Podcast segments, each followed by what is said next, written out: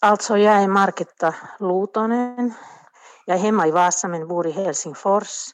Och jag forskar hantverkskultur men har jobbat länge i förbundet för hemslöjd och konsthantverk.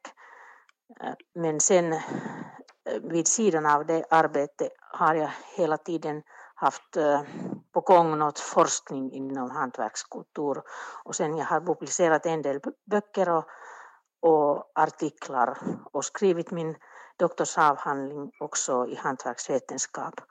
Jag har jobbat på Österbottens hantverk över 35 år som verksamhetsledare och där på loftet. Och sen när jag blev pensionerad så har jag gjort de här böckerna med Marketta, att den där förra om de där tröjor, om tröjor och den var om stickning och det här är om virkning sen. Den heter på svenska Virkfritt. Virkajan vapaus. Jag tänkte säga bara att det namnet beror lite på det att, att det har alltid inte varit så där tillåtet att virka. Man har tänkt att det är något onödigt och, och man gör med virkning sådana saker som är inte vackra och, och liksom det är inte ortskaraktäristiska. Så det har varit lite negativt och därför för idag får man virka vad man vill och vem, vem som helst så, så vi valde sånt namn.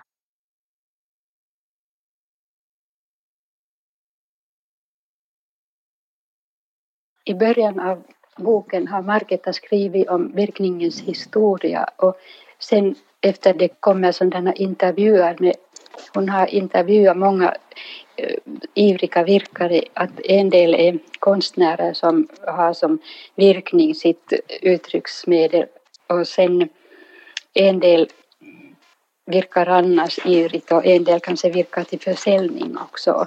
Att det är många olika typers virkare. Eh, åt sådana som är intresserade av handarbetskultur och historia och sen också sådana som har virkning som hobby eller, eller ett arbete. Ja, I slutet av boken finns det sen olika mönster och också ganska noggrant skrivet att olika mm, virkmaskor, hur man gör dem. Och ja, att det, det, alldeles nybörjare också kan utnyttja boken och bli inspirerade och börja virka.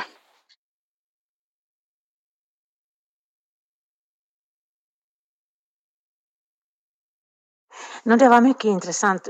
Jag var mycket glad över att ha den möjligheten och alla ville gärna komma, hoppa med i boken och berätta om vad betydde virkning för dem och hur de använde virkning i sina alster och arbeten och som var en del konstnärer, en del eh, hantverkare, en del gjorde det som hobby.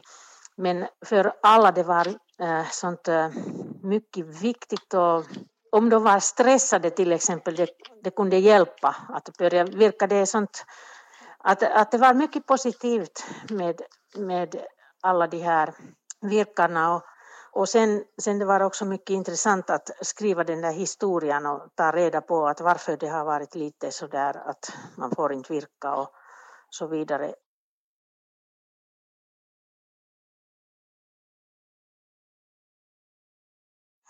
No, det, var, det var ny teknik den tiden det kom. Det var äldre tekniker. Man tänkte att det är bättre det är äldre och sen det var ganska snabbt.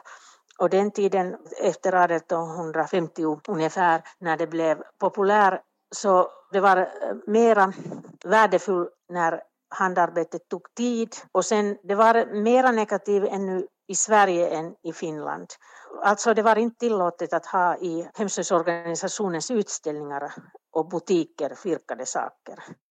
Eh, och också när i, i museerna, när de där guiderna, om de hade extra tid och de satte någonstans och hantverkare, virkning var inte tillåtet. Men det var inte, inte lika starkt det där motståndet i Finland men ändå här, det var också lite sådär negativt och, och sen man tyckte att det var inte vackra de där sakerna och det var för internationella, det var inte tillräckligt ortstypiska.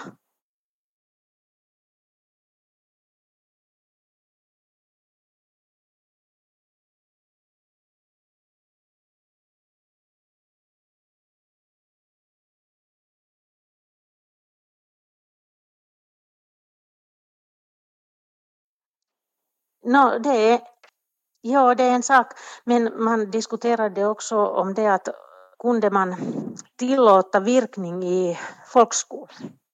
För man gjorde med virkning sådana brydnadsföremål och det var viktigare att göra någonting nyttigt. Men sen man accepterade det i Finland i folkskolan för det var så lätt att lära sig, så det var ganska bra i skolan. Men till exempel i vissa delar av Tyskland och Danmark, det var inte tillåtet i skolorna. Men alltså det här är gammalt historia. Idag är situationen helt annat.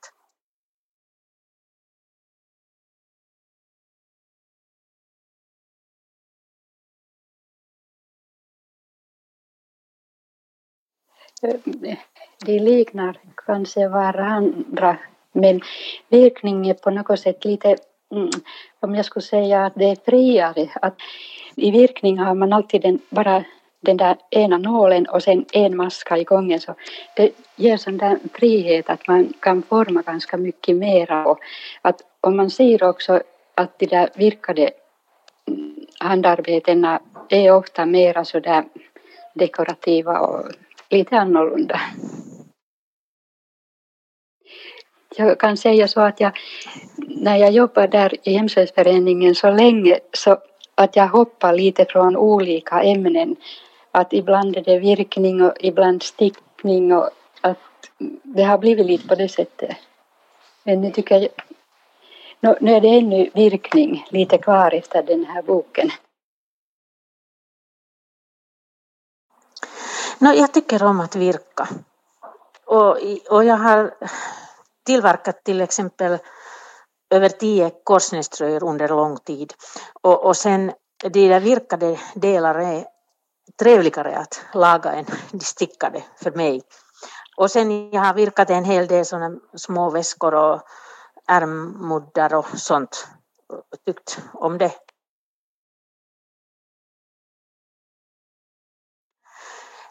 Nej, inte riktigt så. Det var också, och jag tror att Anna-Maja är mycket bra stickare och har kanske stickat mera än jag till exempel. Jag tyckte att det var mycket intressant att, att det hade varit så att man inte accepterade det. Det var för en forskare en intressant fråga att vara. Det har varit ganska mycket, vi har besökt olika museer, att vi tycker mycket om de där gamla arbeten som finns bevarade på olika museer och sen är det ganska eh, trevligt att utveckla någon nytta av dem och ibland också att kopiera och göra likadana. Ja, det finns nog både och att helt nya och sen efter de där gamla. Och jag måste säga också att vi har inte virkat allt själva utan vi har haft sådana duktiga medhjälpare som har virkat och gett sina också mönster och arbeten till den här boken.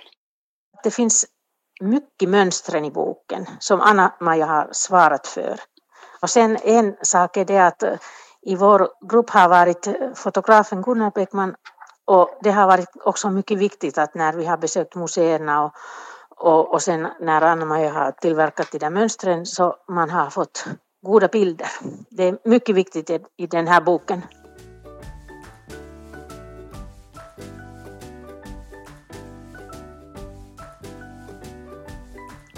Tack. Tack.